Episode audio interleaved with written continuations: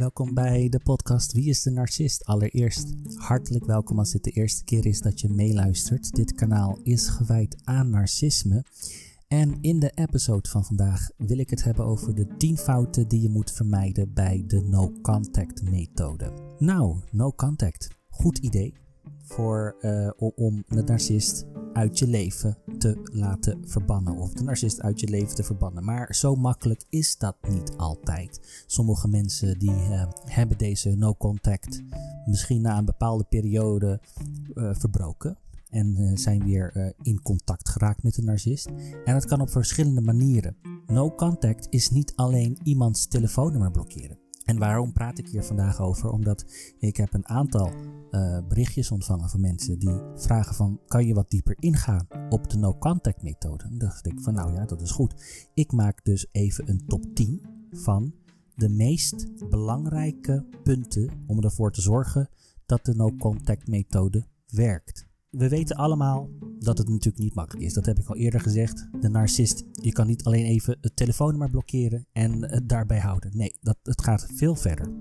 Want de narcist is niet iemand die denkt van, nou, als je van iemand houdt, laat ze ook vrij dat is niet het type persoon. De narcist is een persoon die gaat vechten. De narcist zal ook vechten, want de narcist ziet de no-contact methode, geen contact, als een hele grote aanval op hun ego. Dus ze zullen er alles aan doen in hun power om ervoor te zorgen dat ze je of terugkrijgen of jou gaan straffen. Dus als jij ervoor wilt zorgen ja, dat de narcist jou niet verder kapot kan maken, dan moet je verwachten wat er gebeurt als je echt in no contact gaat. Hè? Want wat is no contact? No contact is gewoon een heel simpel concept. Totaal geen contact. Dus geen ontmoetingen. Eh, niet even casual ergens ontmoeten. Niet eventjes met een narcist tijd spenderen in een uh, groepsetting. Of vrienden blijven met een narcist. Of cadeautjes accepteren van een narcist. Telefoontjes accepteren van een narcist.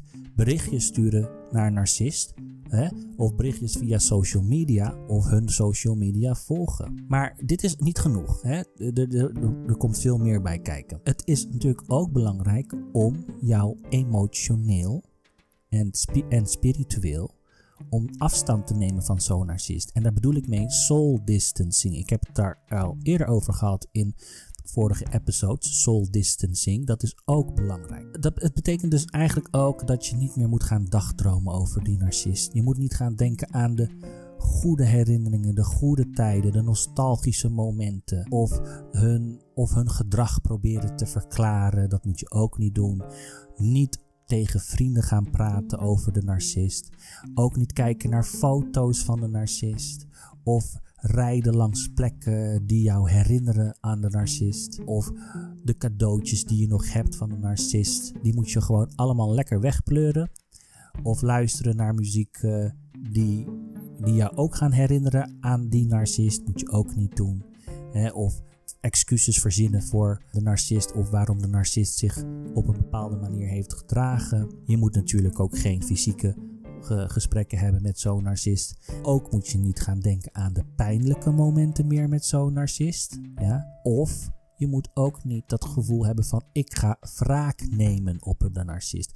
Die wraak die komt vanzelf als jij verder gaat, meer succesvoller bent dan een narcist. Dat is de wraak. Die, dus je moet het niet doen met de intentie ik ga wraak nemen of ik ga even nadenken hoe ik wraak kan nemen op zo'n narcist. Je moet gewoon niet meer denken aan zo'n narcist. Nou, we gaan even nu naar de 10 grootste fouten die mensen maken. De narcist. Nummer 1. Onderschat de narcist niet. Ja? De, het is de grootste fout die je kan maken als je in no contact gaat met een narcist. Want een narcist zal er alles aan doen om ervoor te zorgen om jou als narcistische voeding terug te krijgen.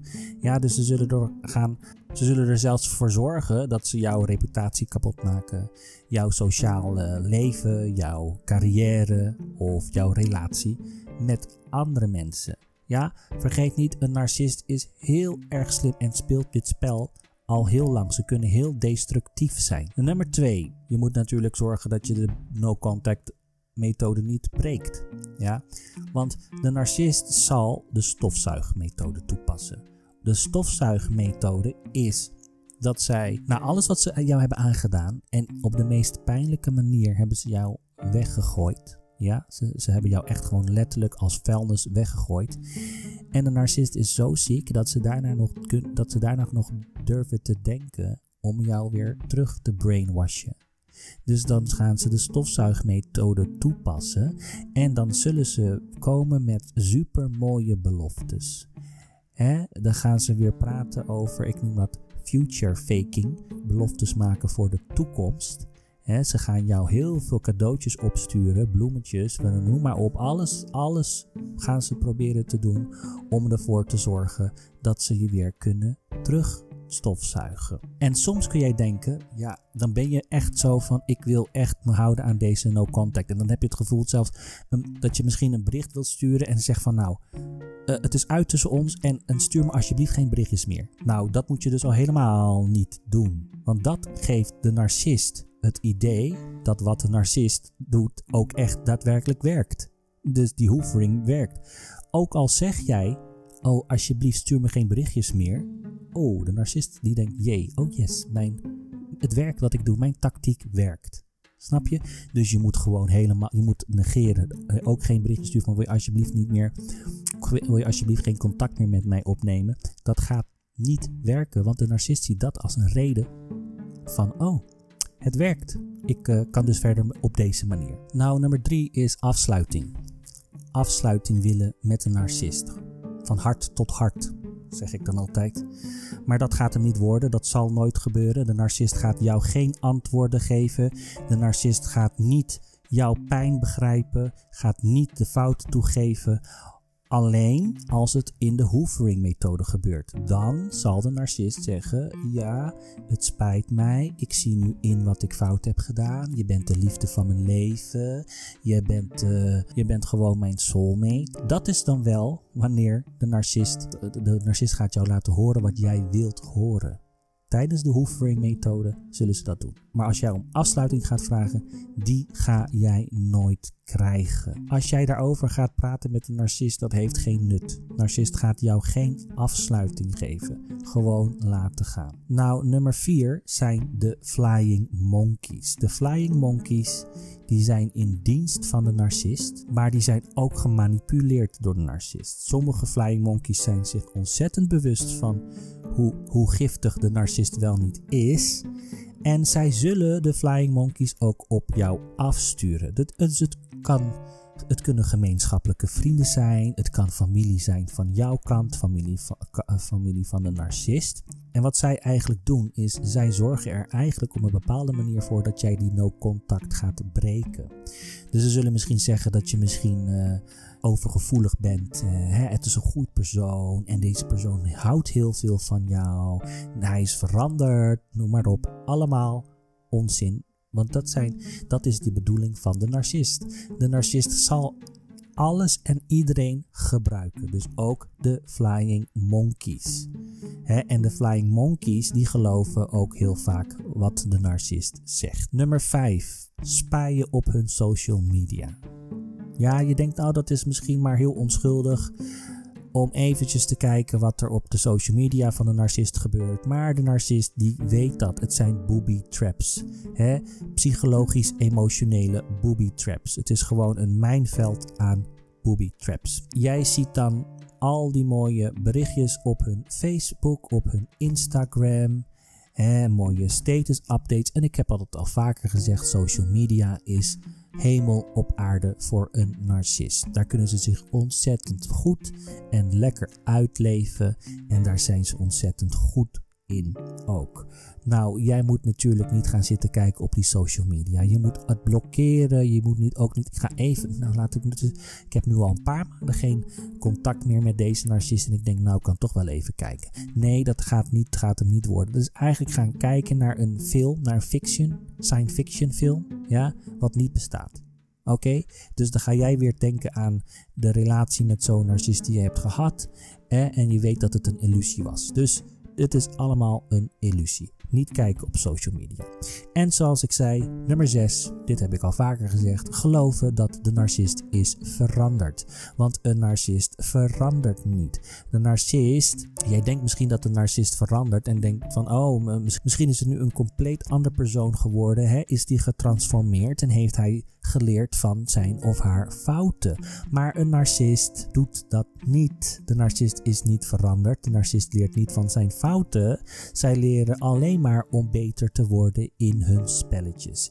Zij zijn bezig met het verfijnen van hun manipulatietechnieken. In die zin is de narcist wel veranderd. Ze veranderen in hun manipulatietechniekjes. Daar worden ze beter in. En daar gaan ze ervoor zorgen dat je gaat geloven in dat de narcist is veranderd. Maar voordat je het weet, is de narcist weer de oude en uh, gaan ze weer terugvallen in hun oude gewoontes, zoals de narcist dat altijd doet.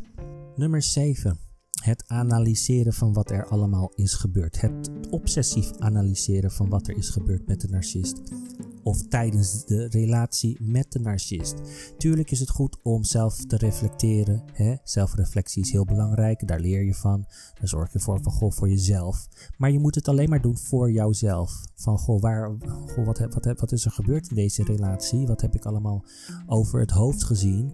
Eh, maar ook van wat is er allemaal veroorzaakt? Dus je moet je focussen op van oké, wat heeft deze narcist veroorzaakt? En dat kan positief en negatief.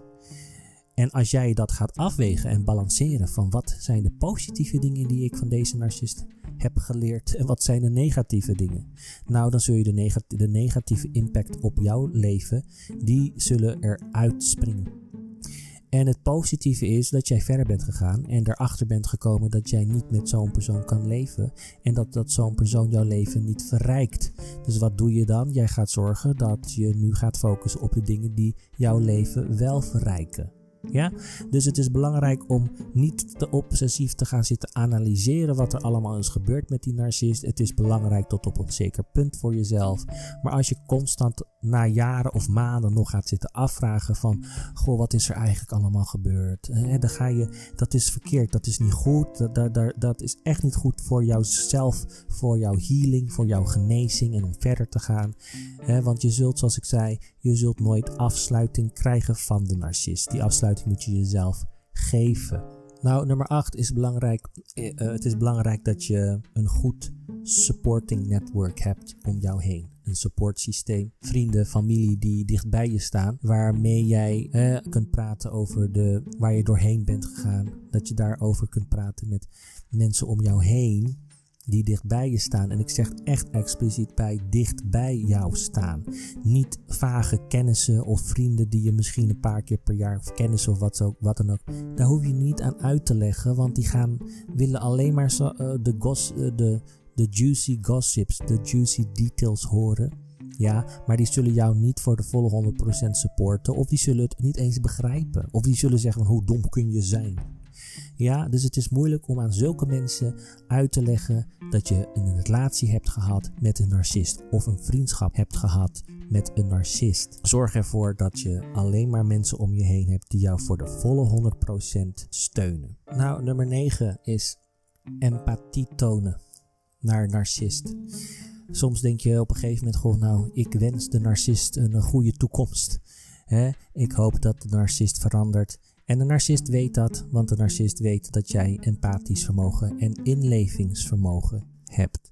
Dus de narcist zal zorgen dat jij de narcist zielig gaat vinden. En dat je denkt van, goh, bijvoorbeeld... Uh, de narcist zal zeggen van, goh, ik weet nu wat het probleem is. Ik noem even een voorbeeld. Het is, eh, ik denk dat ik een alcoholprobleem heb. Nou, sorry hoor, je hebt wel meer dan een alcoholprobleem. Maar goed, dan zullen ze zeggen, ik heb een alcohol. En dan denk je van, goh, ja, dat is ook zo. Tijdens de relatie dronk hij ook heel veel of zij heel veel. Eh, en dan denk je, goh, ik kan hem er wel mee helpen. Of, hè, waardoor je de no-contact gaat breken. Ten eerste, het is jouw taak niet om ervoor te zorgen dat de narcist uh, naar een rehab gaat of naar een, uh, uh, naar een kliniek gaat om, te sober, om sober te worden. Dat is jouw werk niet, dat is jouw taak niet. Deze narcist weet precies wat hij of zij aan het doen is.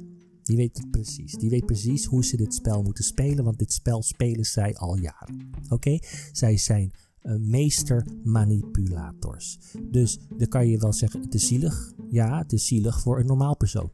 Ja, voor een normaal, normaal persoon die misschien een alcohol- of drugsverslaving heeft. Ja, is het zielig en dan wil je diegene helpen. Maar diegene heeft ook empathisch vermogen, inlevingsvermogen. Alleen ze zijn gewoon verslaafd. Maar de narcist die gaat dat gebruiken. Die gebruikt dat om zielig gevonden te worden, zodat jij de no-contact gaat breken.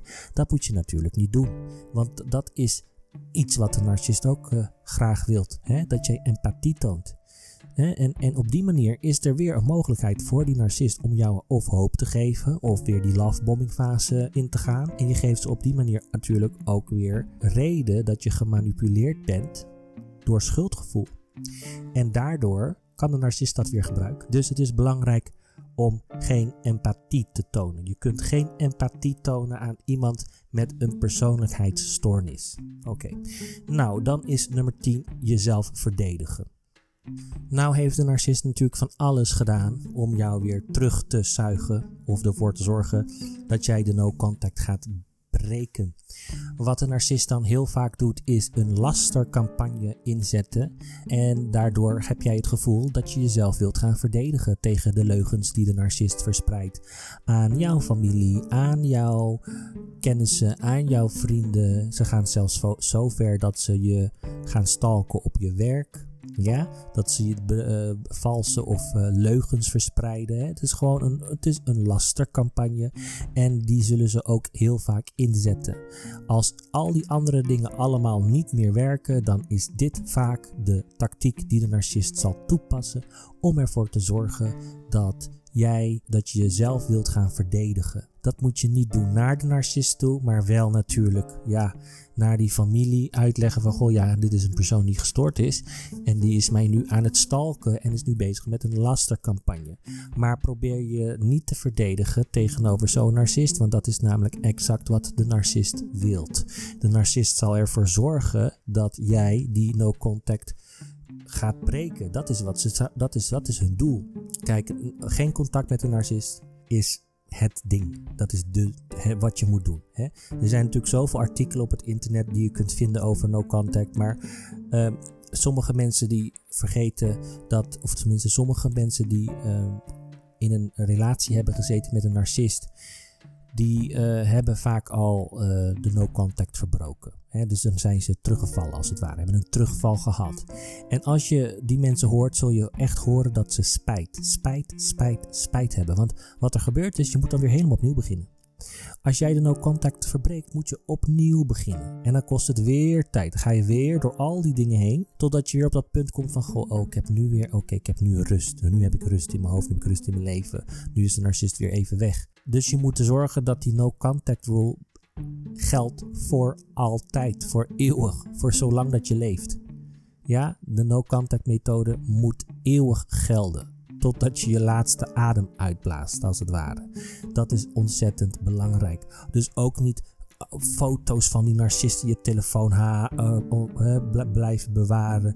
Al die dingen, dan moet je, je moet de narcist compleet uit jouw leven verbannen. Uit jouw hoofd, uit je ziel. ook fysieke dingen, cadeautjes, al die dingen allemaal gewoon in een doos weggooien weggooien, allemaal weg ermee. Dat is waar ik het vandaag over wilde hebben, de no contact. de 10 belangrijkste fouten die mensen maken tijdens de no contact. Of de fouten die je het beste kunt. De 10 fouten die je moet vermijden bij no contact. Ik hoop dat het een interessant onderwerp is geweest voor vandaag. Als dat zo is, um, ik zou het ontzettend waarderen als jullie je zouden willen abonneren op mijn kanaal Wie is de Narcist via YouTube. En je kan natuurlijk je comments achterlaten in de commentbox. In ieder geval bedankt voor het luisteren voor vandaag en tot de volgende keer.